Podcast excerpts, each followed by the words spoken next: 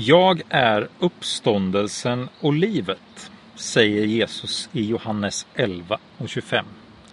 Och idag ska den här minipredikan handla om just de orden. Vi börjar med att läsa från Johannes 11 och 20. När Marta hörde att Jesus var på väg gick hon och mötte honom. Men Maria satt kvar hemma. Marta sa till Jesus, Herre, om du hade varit här hade min bror inte dött. Men jag vet ändå att Gud ska ge dig vad än du ber honom om. Jesus sa, din bror kommer att uppstå. Marta svarade, ja, jag vet att han ska uppstå vid uppståndelsen på den sista dagen. Då sa Jesus till henne, jag är uppståndelsen och livet. Den som tror på mig ska leva om han än dör. Och den som lever och tror på mig ska aldrig någonsin dö. Tror du detta? Om bara. Har du några sådana i ditt liv? Om bara. Sådana där saker som du har ångrat eller som du hade önskat skulle varit annorlunda eller blivit annorlunda. Om jag bara hade lyssnat på det där rådet.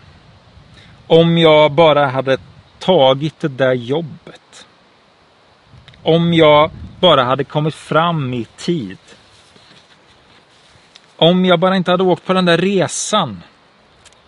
Eller sagt den där saken. Helst av allt så finns det nog saker som vi skulle vilja gå tillbaka i tiden till det där tillfället då allting verkade avgöras. Och så skulle vi vilja få det där ogjort. Eller ändra på historiens gång. Ungefär som i den där filmen Tillbaka till framtiden.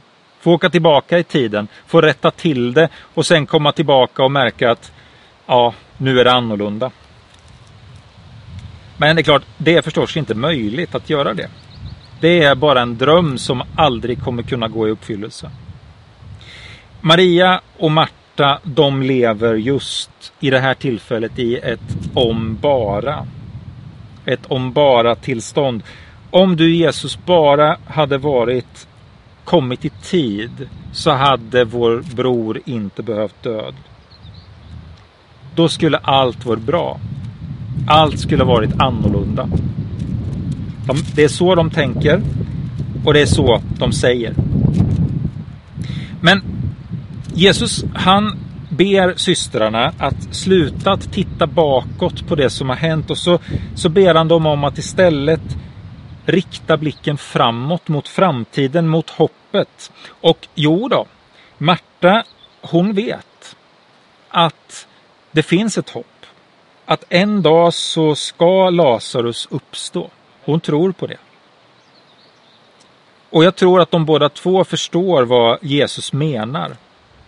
Men det är klart att det hjälper inte dem i den situation som de befinner sig i. Så Jesus tar den där framtiden, det där hoppet i framtiden och så ställer han det där hoppet framför dem just där de är och så säger han Jag är uppståndelsen och jag är livet. Den som tror på mig ska leva om han än dör.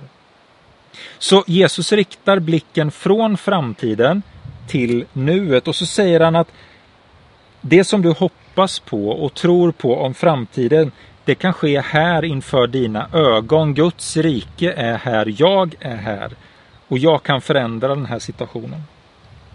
Guds rike är inte någonting som ligger i framtiden utan det finns just här för dig i den här situationen. Han säger, jag är uppståndelsen, jag är livet. Maria är ju den mer stillsamma utav de båda systrarna och Marta är den som kommer och rusar mot Jesus. Hon vill komma till Jesus och skynda till honom och ställa honom till svars, konfrontera honom. Varför kom du inte i tid Jesus?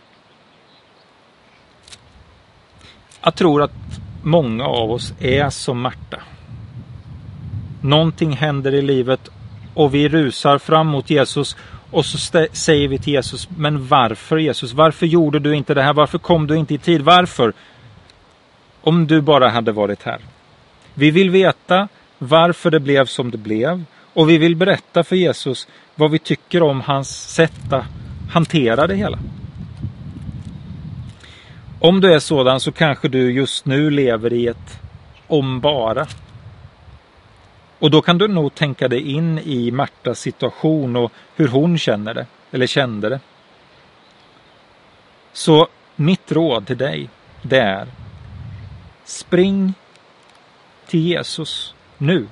Kom till honom, berätta allt för honom, berätta vad det är du känner, berätta din situation, berätta om problemet och fråga honom Men Jesus, varför har du inte gjort någonting? Varför kom du inte tidigare? Var sen beredd på att Jesus kommer att svara dig. Men svaret som du får, det är kanske ett svar som du inte hade väntat. Ett överraskande svar, ett svar som, som ställer allting på sin spets och som ändrar ditt sätt att se på det. Det är naturligtvis helt omöjligt för mig att säga till dig hur, hur Jesus kommer att svara just i din situation. Det kan inte jag göra. Utan det är någonting som bara han kan göra. Han, det är bara han som kan tala rakt in i din situation och in i ditt liv och i det du står i. Men jag vet att han har ett svar för just din situation. Jag vet att det som han vill komma med, det är att han vill ta framtiden till dig och ge dig ett hopp för det du står i just nu. Och visa dig på någonting annat. Han vill komma rakt in i din situation och hjälpa dig. Med hopp, löften och med nya möjligheter. Jag kan inte ge dig svaren på varför det som har skett har skett. Jag kan inte berätta för dig vad Jesus kommer att säga eller vad han kommer att göra för dig. Men jag vet att han vill dig väl. Jag vet att han vill komma in i din situation och hjälpa dig. Nyckeln till allt det här, det ligger i de sista orden som Jesus säger till Marta och Maria. Tror du på detta? Det är tron på Jesus, tron på att han kommer från Gud med goda nyheter, tron på att han är här för att hjälpa dig, tron på att han har dött men att han också har uppstått. Det är det som kan hjälpa dig i den situation där du är i. Ta en stund och fundera över om du har något sånt där om bara i ditt liv. Och berätta om det för Jesus. Kom med ditt bekymmer till honom. Säg vad du ville att han skulle ha gjort. Och sen när du har gjort det, ge honom sen chansen också att svara. Kanske blir du överraskad. Låt oss be tillsammans. Herre Jesus, du känner mina om bara. Det där som jag hade velat skulle vara annorlunda.